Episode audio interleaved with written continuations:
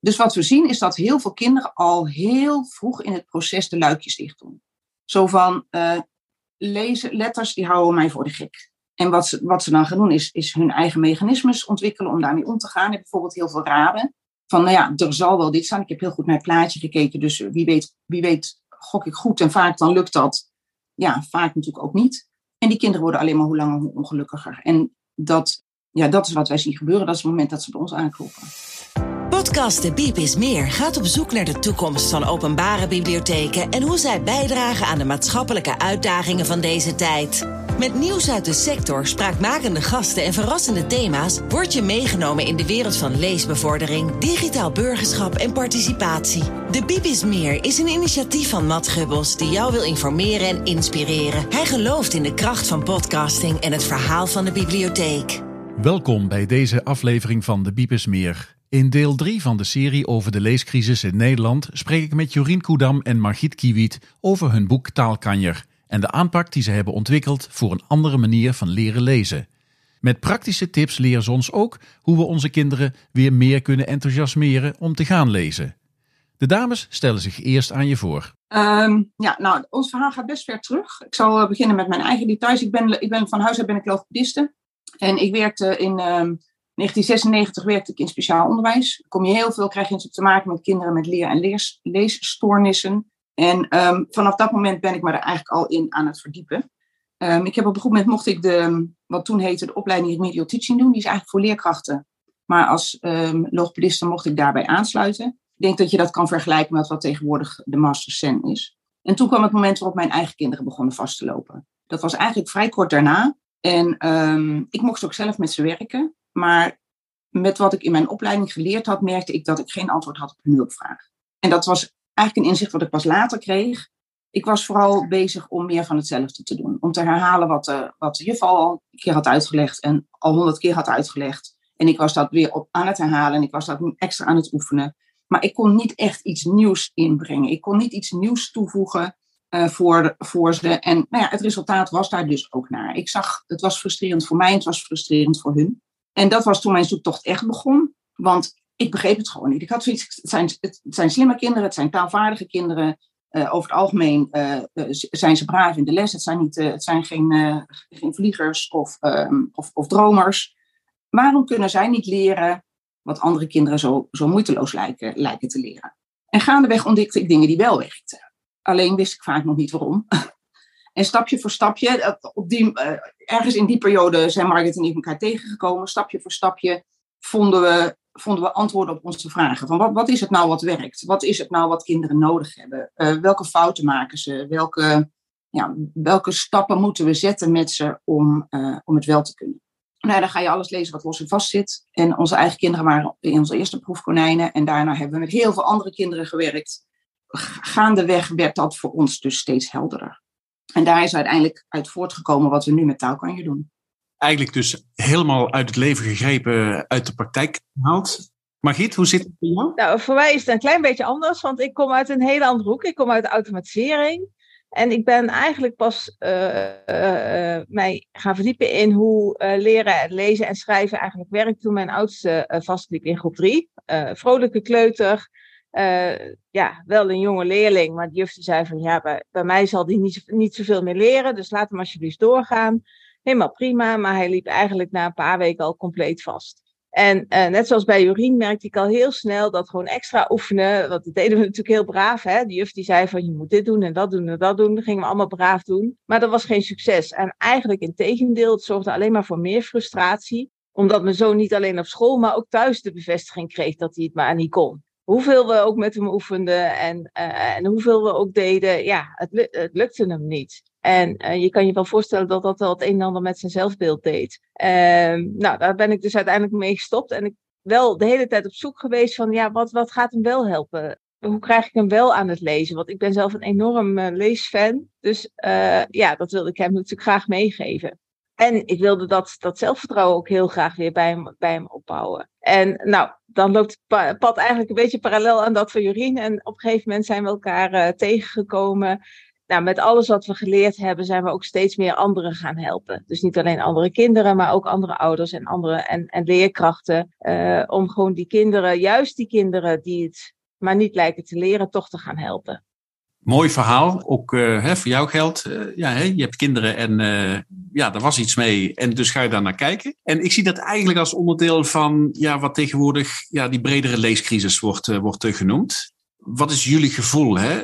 Waar, waar komt het allemaal vandaan? Waar, waar, waar ligt die oorzaak eigenlijk voor? Voor al die problematiek waar jullie het onder andere over hebben. Nou, het, het lastige is natuurlijk dat er niet één oorzaak is. Er zijn een heleboel oorzaken. Wij hebben dat eigenlijk min of meer opgesplitst in twee uh, hoofdgroepen. Voor een deel zijn dat gewoon allerlei algemene dingen. Hè. Ze, ze, vinden lezen niet zo leuk, ze vinden het niet uitdagend.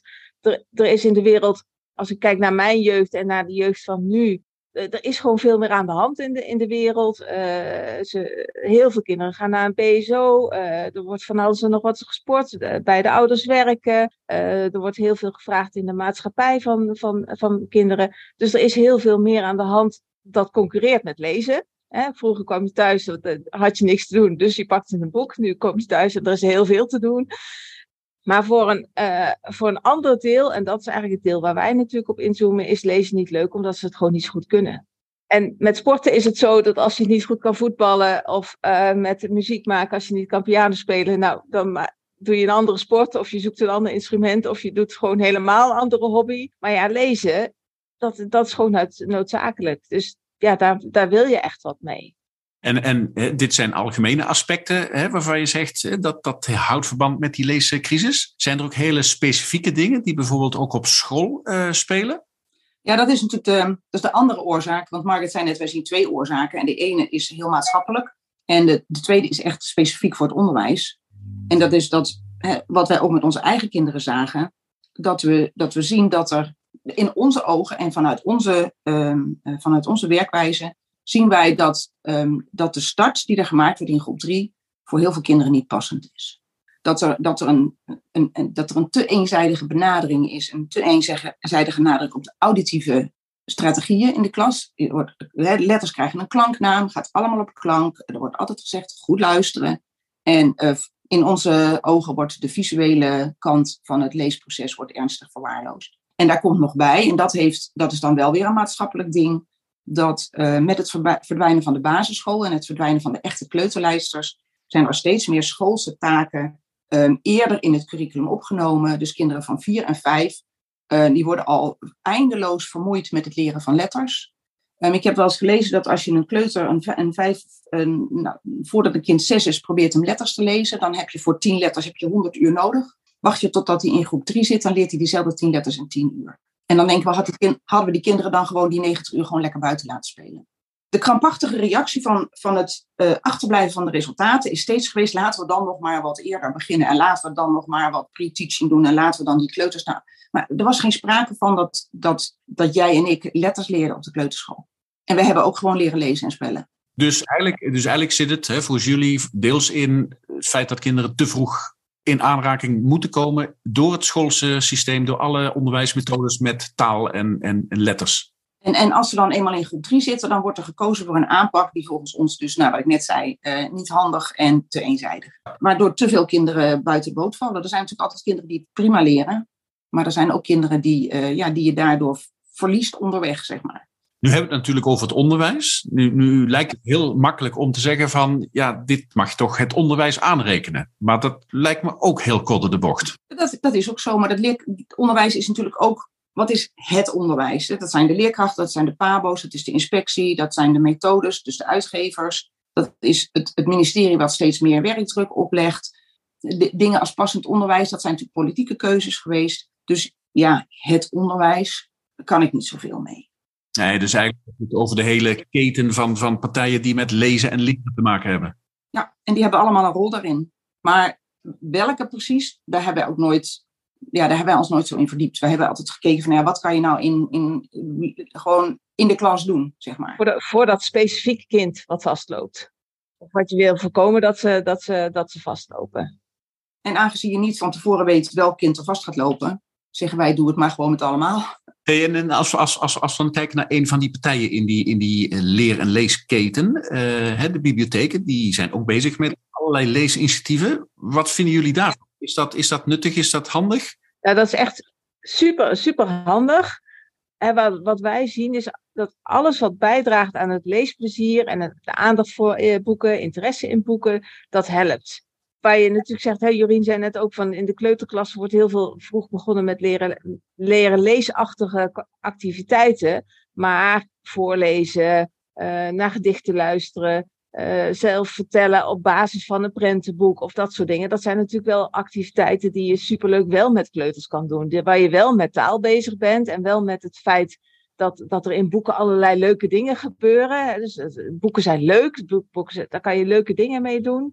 Uh, daar kan je ook met elkaar uh, over praten. Dat is gewoon hartstikke leuk. En dat zijn dingen waar een bibliotheek natuurlijk een enorme rol in kan spelen om dat aan te wakkeren en, en vast te houden als kinderen ouder worden. Ja, als ze dat, dat gevoel eenmaal hebben van boeken zijn leuk en daar wil ik wat mee en daar ben ik nieuwsgierig naar, dan kan je dat ook zeggen van als ze dan leren lezen, hé, hey, wacht even, maar nou kan ik dat boek zelf lezen. Oh, maar nou kan ik dat boek ook lezen. Juist door de, zeg maar, het brede aanbod van een biep, kan je kinderen enorm, uh, en met heel, enorm veel dingen kennis laten maken. En niet alleen maar je eigen kleine kringetje, wat je natuurlijk, zeker als ze ouder worden, met die social media heel erg hebt. Nee, juist ook daarbuiten. Hoe voelen mensen zich die uit een andere cultuur komen? Of, nou ja, nou, ik weet niet of ik het gisteren las, maar in ieder geval heel recent heb ik ook gelezen dat ja, boeken die zijn, die geven je ook de mogelijkheid om, uh, en dan heb je het dus meer over pubers, te lezen dat ook andere mensen worstelen met de dingen waar jij mee worstelt. En dan, dan is, gaat het niet eens meer om leuk, maar dan gaat het ook over uh, connectie maken met mensen die je misschien helemaal niet kent, of misschien zelfs fictief zijn, maar die wel met echte problemen worstelen. Maar dan, dan steek je dus heel erg in op die, hè, wat we net zeiden, die twee problemen, heel erg in op dat eerste. De kinderen die wel kunnen lezen, die wil je meenemen. Hè? Die, die wil je, nou ja, wat, wat we net zeiden. En de feiten, en feiten dus gewoon uh, meters maken. Precies. Tuurlijk, want ook, ook de kinderen die dan in onze ogen vlot leren lezen, die leren het niet vanzelf. Die moeten wel lezen. En die ervaren lezen dan misschien niet als oefenen, maar wat het in feite is, is, is, is natuurlijk wel oefenen. En ja, dat, dan gaat het gaandeweg gaat het, gaat het beter en, en, en bouwen ze hun woordenschat op en, en, en zulke soort dingen.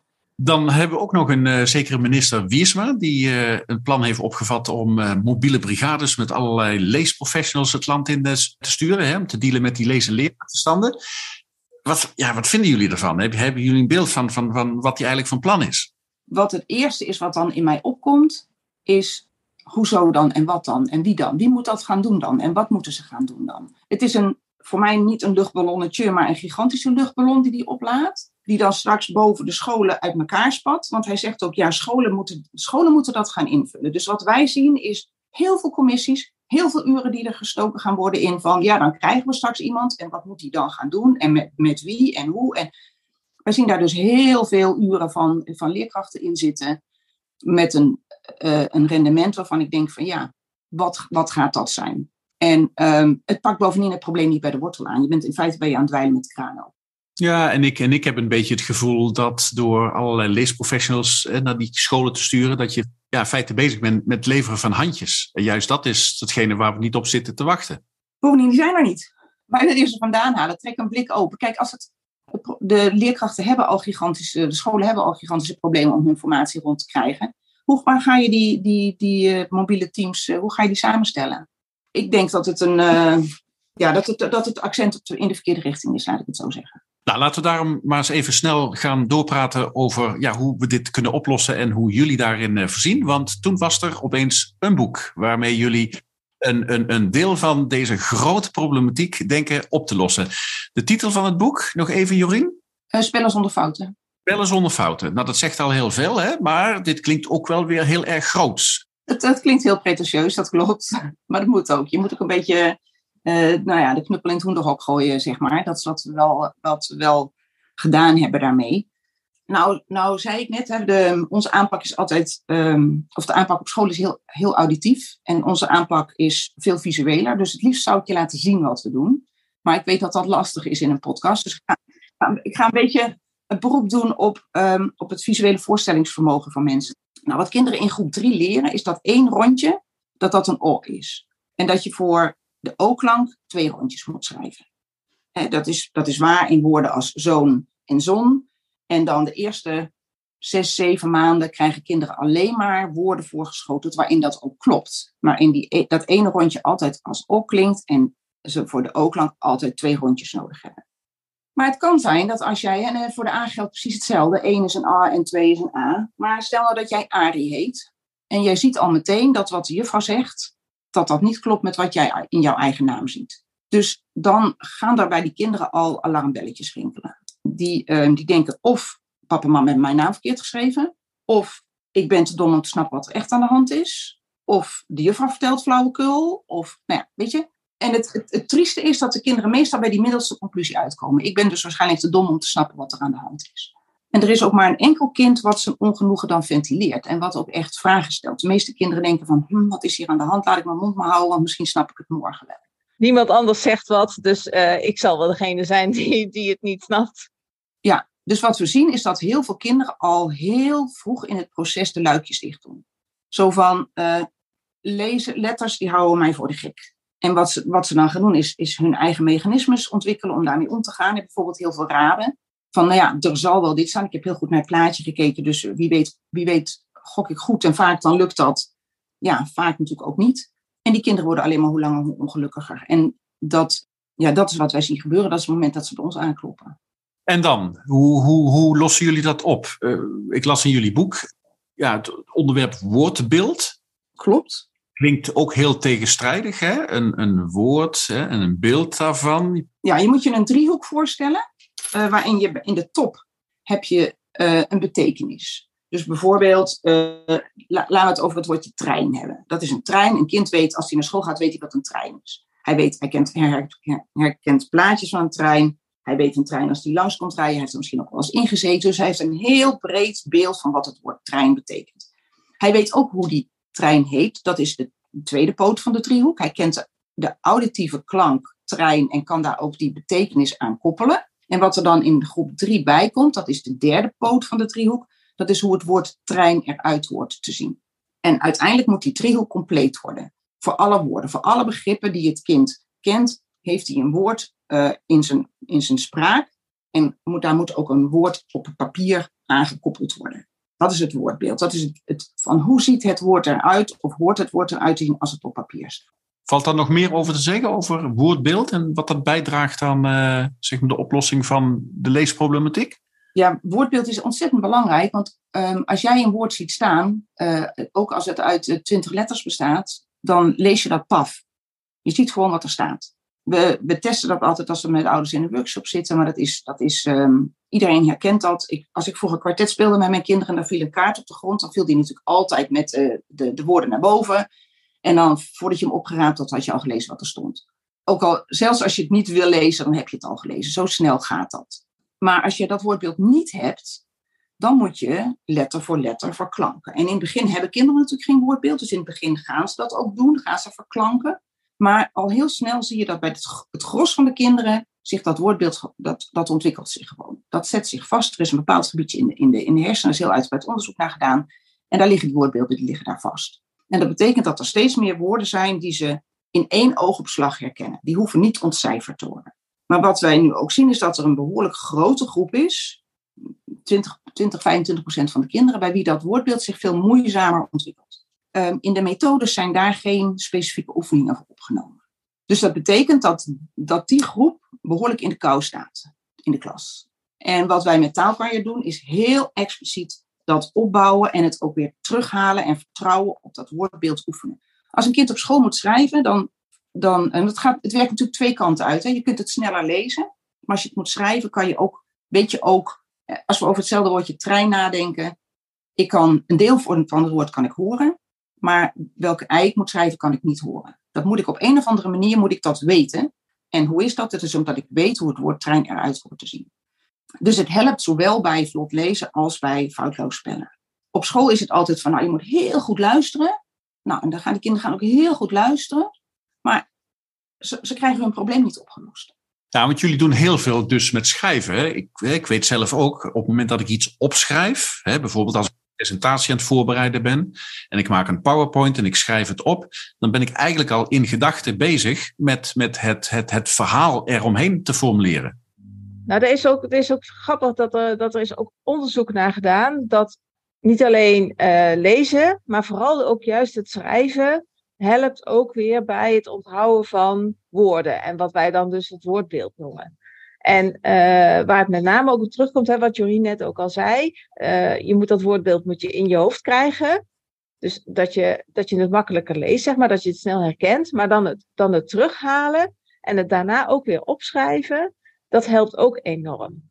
Maar alleen maar woorden opschrijven, ja, dat, dat doen we niet. Hè? In het dagelijks leven, als wij uh, iets doen, dan schrijven we geen woorden op. Ja, boodschappenbriefje briefje misschien of een verlanglijstje. Maar dan, dan stopt het ook wel. Je schrijft eigenlijk altijd omdat je het later weer terugleest, omdat je uh, iets over wil brengen, je wil iets vertellen. Kinderen moeten natuurlijk gewoon op school ook het antwoord op een biologieproefwerk kunnen opschrijven. Dus je schrijft eigenlijk altijd in, in zinnen. Je wil altijd een verhaal vertellen. en dan krijg je dus dat, dat je moet overstappen van het leren van woorden naar juist het schrijven van zinnen. En ook daar zien we weer dat er in, in veel methodes eigenlijk geen stap tussen is. Dus kinderen krijgen aan de ene kant, hè, de spellingmethode zijn ze oneindig veel woorden aan het oefenen. En ze krijgen natuurlijk ook vrij, vrije schrijfopdrachten, maar er is eigenlijk geen, geen stap tussen. En ook daar voorziet onze methode in dat er een stap tussen is. Tussen, oké, ik weet hoe ik een woord moet schrijven, naar, oké, ik kan een leuk verhaaltje schrijven, of ik kan een presentatie maken, of, of dat soort dingen. Maakt dat ook dat, vind ik althans, hè, uh, ik zie wel eens profielwerkstukken van pubers voorbij komen. Dat, dat onze kinderen heden ten dagen eigenlijk heel slecht kunnen schrijven. Ja, absoluut. En er, er ligt. Nou, en dan, ik wil nog even terugkomen op, dat, op die andere basis van. Uh, van want het woordbeeld is dus de ene pijler van taalkanje, zou je kunnen zeggen. En dan die andere is van. Wat moet ik nou met die O en die O en die A en die A? Um, als ik dat rondje zie, hoe kan ik dan. In eerste instantie bij lezen, want leer, kinderen leren vaak lezen voordat ze leren spellen. Hoe kan ik dan weten wat ik er tegen moet zeggen? Hoe kan ik weten of ik er O of O tegen moet zeggen? En dat heeft alles te maken met, het, met de structuur van het woord. Denk maar eventjes aan een, aan een O. Als ik een medeklinker voorzet, dan staat er bijvoorbeeld zo. Nou, dan zien we dat de klank van de O nog steeds O is. Maar zodra ik er een medeklinker achter zet, de N bijvoorbeeld, dan verandert de O van klank. Dan klinkt die ineens als O. En dat is een mechanisme, dat krijg ik op school niet uitgelegd. Wat ze op school wel uitgelegd krijgen, is als ze dan langere woorden moeten gaan lezen. Ze schrijven bijvoorbeeld, ze moeten zonnen gaan lezen, zonnen gaan schrijven en zonen gaan schrijven. Dan leren ze een soort trucje om te weten hoe dat woord geschreven moet worden. Maar de, de, het mechanisme daarachter krijgen ze niet uitgelegd. En het is nou eenmaal zo dat als jij niet precies weet waar je mee bezig bent, je bent trucjes aan het toepassen, dan is het veel moeilijker om te weten op welke woorden dan en wanneer dan en hoe dan. En dat is dus precies wat we, wat we leerkrachten horen zeggen: van ja, hij kent de regel wel, maar hij past er niet toe. Nee, dat komt omdat de basale kennis die erachter zit, wat doen, wat doen medeklinkers met klinkers? En als ik kippen met twee P's moet schrijven, wat doet dan die tweede P eigenlijk? Wat is eigenlijk de functie van die tweede P? Als je dat er niet bij uitlegt, ja, dan kan ik hem overal zetten of nergens. Ja, het is wel grappig, hè? want jullie hebben allerlei, ja, blijkbaar hele simpele uh, regels hè, die je kunt toepassen hè, door eigenlijk de combinatie van klinkers en medeklinkers. Hè, daar, daar, hè, maak je bepaalde afspraken over en dus hè, maakt dat dat je woorden kunt lezen. Maar ik ben me er al niet meer bewust van, van wat mij geleerd is. Want taal is voor mij zo vanzelfsprekend. Uh, ik, ik pas geen regels meer toe. Maar, maar, maar hoe kan dat dan? Dat, dat ik dat omdat jij, omdat jij woordbeelden ontwikkeld hebt. Bij jou is het proces volledig geautomatiseerd geraakt. Vergelijk dat met als jij autorijdt. Als je begint met autorijden, dan moet je heel erg denken van, oh wacht even, die voet, schakeling, uh, weet je wel, uh, koppeling los laten komen, gas geven, bla bla. Oh wacht even, was mijn richtingaanwijzer? Nou, dan ben je met allemaal dat soort basale processen bezig. En dan is het heel goed dat er iemand naast jou zit die, die oplet dat er een fietser oversteekt en dat er een auto van links en van rechts komt. Nou, naarmate dat hele basale proces geautomatiseerd raakt, kan jij om je heen gaan kijken en kan jij het verkeer in de gaten houden. En als dat nog verder geautomatiseerd raakt, dan kun je dus tegelijkertijd ook naar de radio luisteren of een gesprek voeren met iemand. Dan denk je helemaal niet meer na over hoe je nou eigenlijk die auto bestuurt. Maar betekent dat dan, bijvoorbeeld in mijn eh, geval, dat ik dan vroeger waarschijnlijk ander of beter onderwijs heb eh, gehad? Dat, dat zal toch niet zo zijn? Dat de, de methode om steeds meer um, klankgebaseerd les te geven, die is zo'n 40 jaar geleden ontwikkeld. Maar ehm, je ziet eigenlijk dat sindsdien kachelt het niveau uh, achteruit. Um, en daar heeft natuurlijk, in wat ik net zei, de, de, de start van de basisschool heeft daar niet bij geholpen. Maar wat, wat onze theorie daarover is, en we hebben dat nog niet, we hebben dat nooit getest gezien of zo, maar dit is dat die basale kennis over wat medeklinkers en klinkers, hoe, die, hoe dat samenspel daartussen is en hoe je, hoe je die over woorden verdeelt, bijvoorbeeld in lettergrepen, dat dat kennis was die de leerkrachten wel hadden. En die ze ondanks de methode wel aan kinderen meegaven. Maar dat je ziet dat je nu een hele generatie leerkrachten hebt die zelf met deze methode zijn opgegroeid. Dus die hebben die basale kennis zelf ook niet. Als wij aan een leerkracht vragen hoe kan ik een A van klank laten veranderen, dan kijken ze je aan alsof, je, nou, alsof ze het in Keulen horen donderen. Hoezo een, een A van klank laten veranderen? Ik zeg, ja, je kunt er toch een medeklinker achter zetten. En dan zeggen ze, ja, maar dan is het toch een A? Nee, zeggen wij dan, het is niet. Het is nog steeds een A. Wij maken ook heel specifiek onderscheid tussen een klank en een letter. En die letter, dat is de A, die verandert niet. Maar de klank die erbij hoort, die verandert wel. Dus het zit echt op een heel bazaal niveau. Het onderscheid tussen wat wij nu zien dat er in de klas gebeurt en wat wij vinden dat je kinderen eigenlijk voor extra helderheid moet geven daarover. Nou ja, goed, als ik ga terugrekenen, 40 jaar geleden, plus minus ongeveer. Ik was toen 15, dus dan heb ik toch aan de goede kant eh, van het onderwijs gezeten in eh, de jaren 70, 80, eh, schat ik zo in. Ja, de, de, de eerste methodes die zijn uit eind jaren 60. Maar toen, waren ze, toen, was het, toen is het begonnen, zeg maar. Maar dat heeft zich natuurlijk, ja, dat heeft, heeft langer geduurd voordat dat, voordat dat in alle scholen. Dus het kan zijn dat jij. Hey, even van, van het boek naar de praktijk. Hè? Want het is leuk dat je een boek eh, schrijft, maar uiteindelijk moet het zich bewijzen in, uh, in de praktijk. Wat, wat, wat bieden jullie aan aan, aan, aan scholen, maar misschien ook aan ouders? Hoe, hoe werkt dat met taalkanjers? Wij, wij, wij helpen zowel, zowel ouders, hè, dat zijn we natuurlijk zelf ook, uh, uh, daar komen we vandaan. Dus dat is, dat is iets wat, dat, wat we heel goed zelf ook kennen. Maar ook professionals zoals remedial teachers, IB'ers, leerkrachten. die zien dat een, dat een kind gewoon helemaal vastloopt. En die echt zoiets hebben van, ja, ik kan me niet voorstellen dat jij het niet kan leren, maar kennelijk wat je tot nu toe gehoord hebt, klopt niet bij jou, past niet bij jou. Dat, ja, daarmee leren heb je het in ieder geval niet geleerd, dus we moeten iets anders. En uh, ik weet eigenlijk zelf niet zo goed hoe. Nou, die, die ouder, die leerkracht, die, uh, die ondersteunen wij.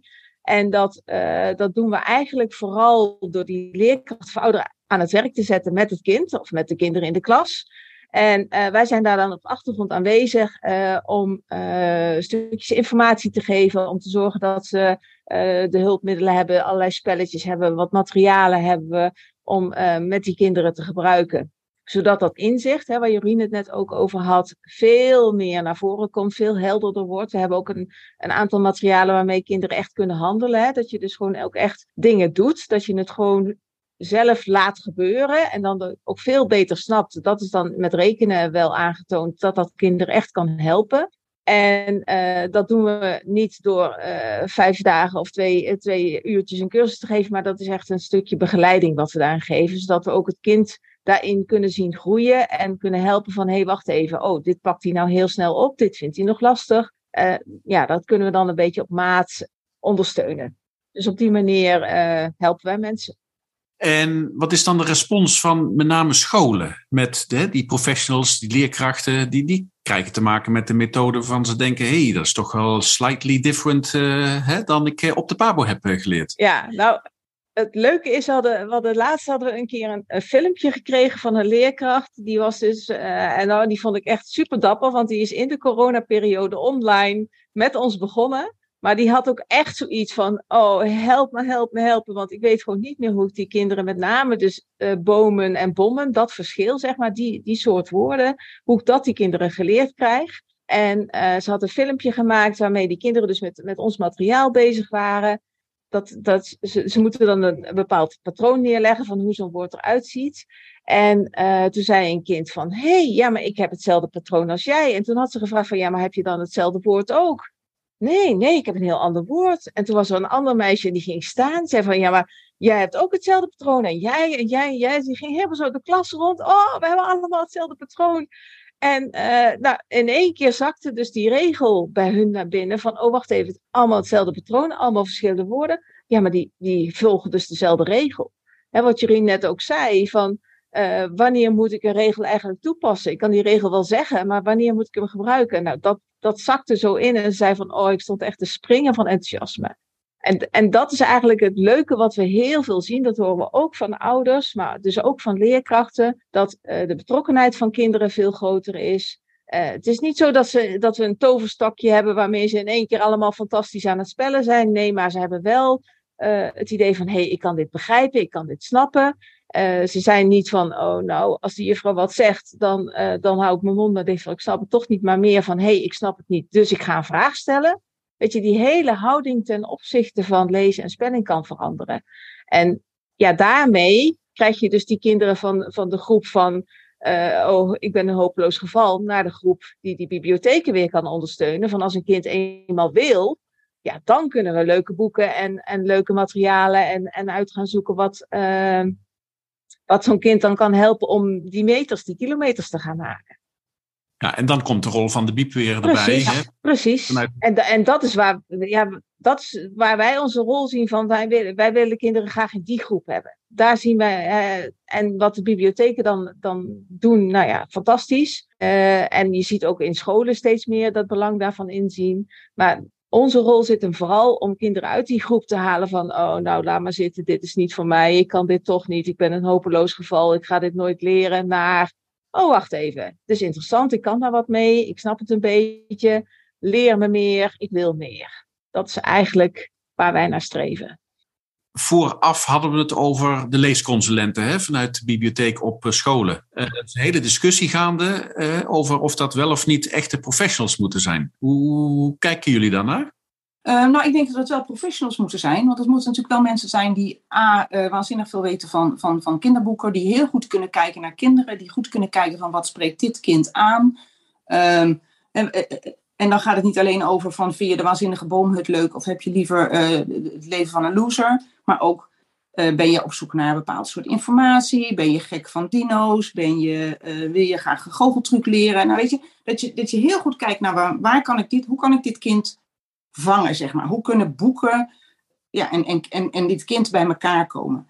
Maar je hoeft daar natuurlijk geen leerkracht, je hoeft daar geen, onderwijs, geen, geen, geen onderwijsbevoegdheid voor te hebben. Uh, wat, wat ons betreft misschien zelfs juist wel liever niet, want die leerkracht die heeft altijd weer een leerdoel. En wij willen alleen maar een leesdoel.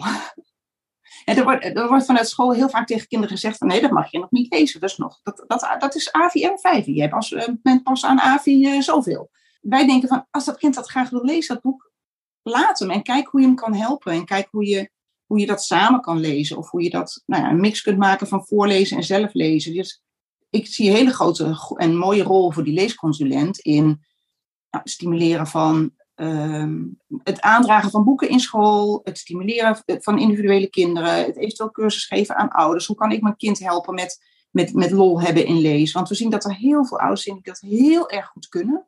Maar we zien ook ouders die, ja, die daarmee worstelen nou ja, dus ja, uh, ik denk dat leesconsulenten daar een hele belangrijke rol in spelen. Maar wat, ons betreft hoeven dat, um, hoeven dat geen leerkrachten te zijn. En volgens mij is die eis nieuw dat een leesconsulent een onderwijsbevoegdheid heeft. En dan denk ik, dan ben je dus weer mensen aan het, aan het vragen waar, waar we al zo'n zo tekort aan hebben. Want dan zie ik wel die juffrouw van groep 7 die helemaal tot over de oren in de leerlingvolgplannen, systemen en, en, en, en behandelplannen zit denken van nou, dat vind ik wel een leuk baantje. En vloek weg is ze.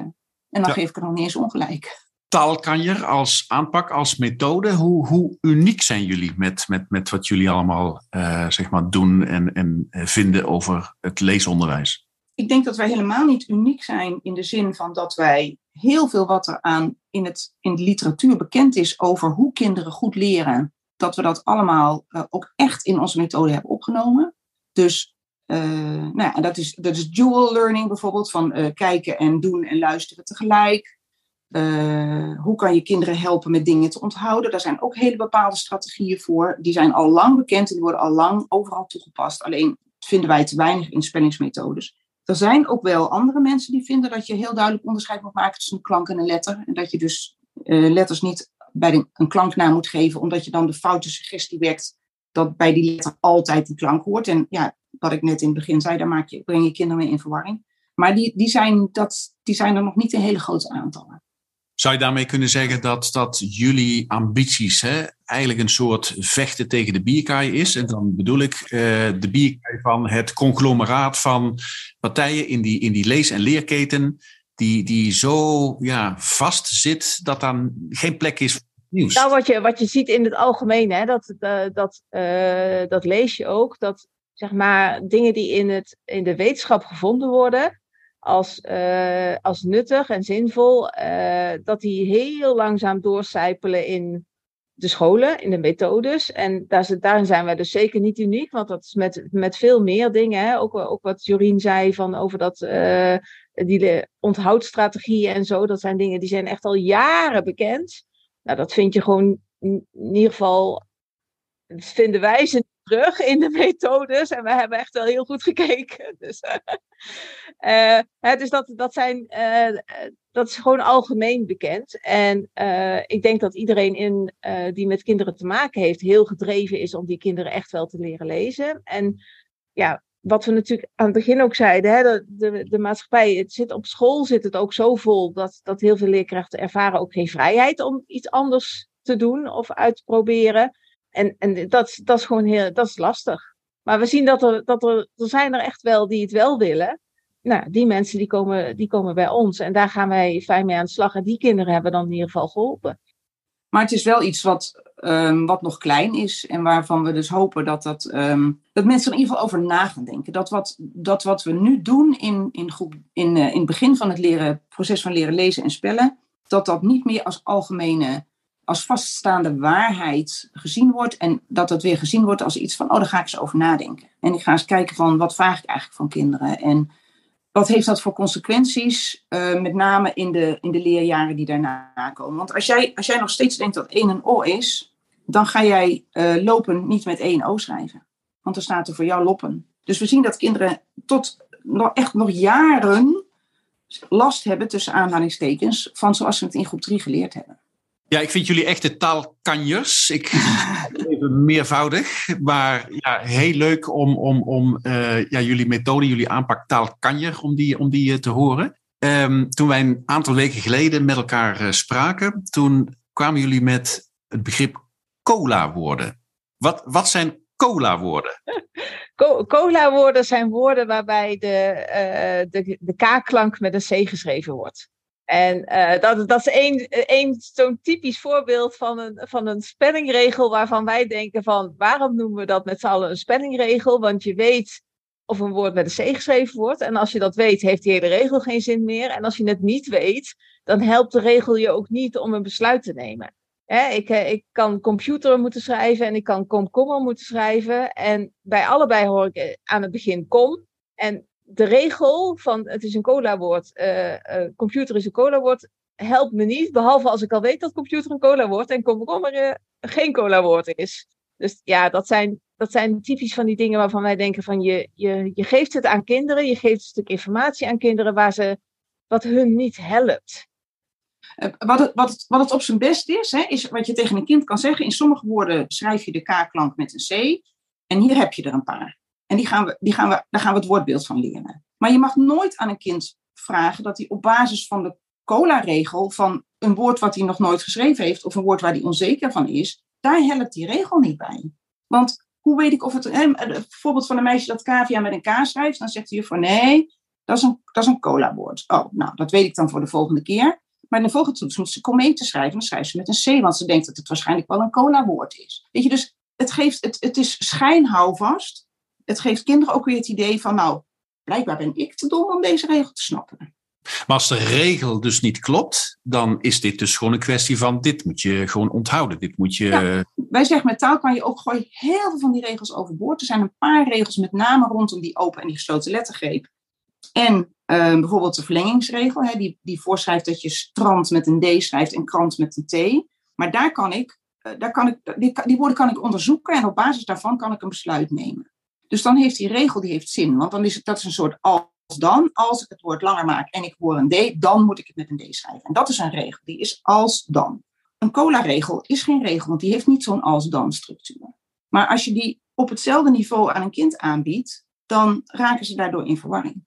Hebben jullie tot slot nog een laatste ding dat je de luisteraar uh, zou willen meegeven? Bij bibliotheken, ouders, scholen? Nou, wat, wat wij heel uh, belangrijk vinden, uh, is dat kinderen een stem hebben in wat ze lezen. Kijk, natuurlijk moet je op een gegeven moment echt lezen om bepaalde dingen voor elkaar te krijgen. Maar dat is, dat is ja, min of meer lezen, dat is meer een oefening. Maar als je iets gaat lezen omdat je gewoon even wil gaan zitten en even wil lezen, geef ze een stem in wat ze lezen. Praat over hoe het gaat. Hè? Uh, en dan niet een overhoring van wat staat op bladzijde 10 op het, op het zevende woord. Of uh, wat zei de hoofdpersoon daar. Maar gewoon van, ja, hoe vind je het nou? Is het een leuk boek? Uh, kan ik je misschien helpen? Zijn er woorden die je niet helemaal snapt, die, die ik kan uitleggen? Kinderen die een boek hebben gekozen wat misschien nog net een beetje lastig is. Lees af en toe eens een lekker stuk voor, dat het verhaal lekker begint te lopen kijk samen naar lastige woorden. Uh, kijk ook wat de kind daar aangeeft, wat hij wat fijn vindt. Praat met kinderen over boeken. Zoek uit wat ze leuk vinden. Dat is gewoon heel belangrijk. Ja, ja wij, um, wij doen ieder jaar hebben wij een zomerchallenge. En het, het, doel van de zomerchallenge is kinderen gewoon lekker laten lezen. En, en ervaren dat, dat, waarom je het eigenlijk zou willen kunnen, überhaupt. Hè? Dus dat gaat over zelf spelletjes maken. Dus zelf bijvoorbeeld een, een ganzenbord schrijven. Nou, dan moeten ze al een hele zin opschrijven. Uh, zelf een speurtocht uitzetten. Maar ook uh, iets bakken. Dan moet je, moet je lezen, moet je recept lezen. Um, ga eens naar een museum of naar een plek waar, waar iets te lezen valt. En we zien dan, wat, wat ouders dan ons vaak het meest teruggeven, dat op het moment dat zij ophouden te pushen, gaat dat kind lezen.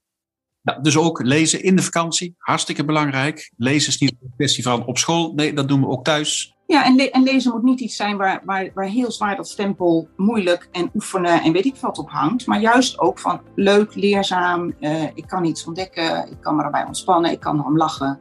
Laten we dat alsjeblieft ook vooral weer bij kinderen terugbrengen. En daar heeft denk ik de bibliotheek ook wel een, een superbelangrijke rol in.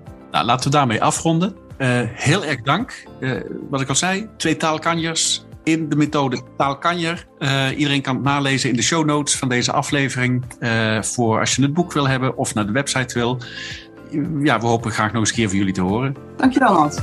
Bedankt voor het luisteren naar deze aflevering van De Biep is Meer. Heb je zelf een mooi verhaal om te vertellen? Neem dan contact op via info.onderzoekmeteffect.nl. De Biep is Meer is een initiatief van Matt Gubbels. Hij gelooft in de kracht van podcasting en het verhaal van de bibliotheek.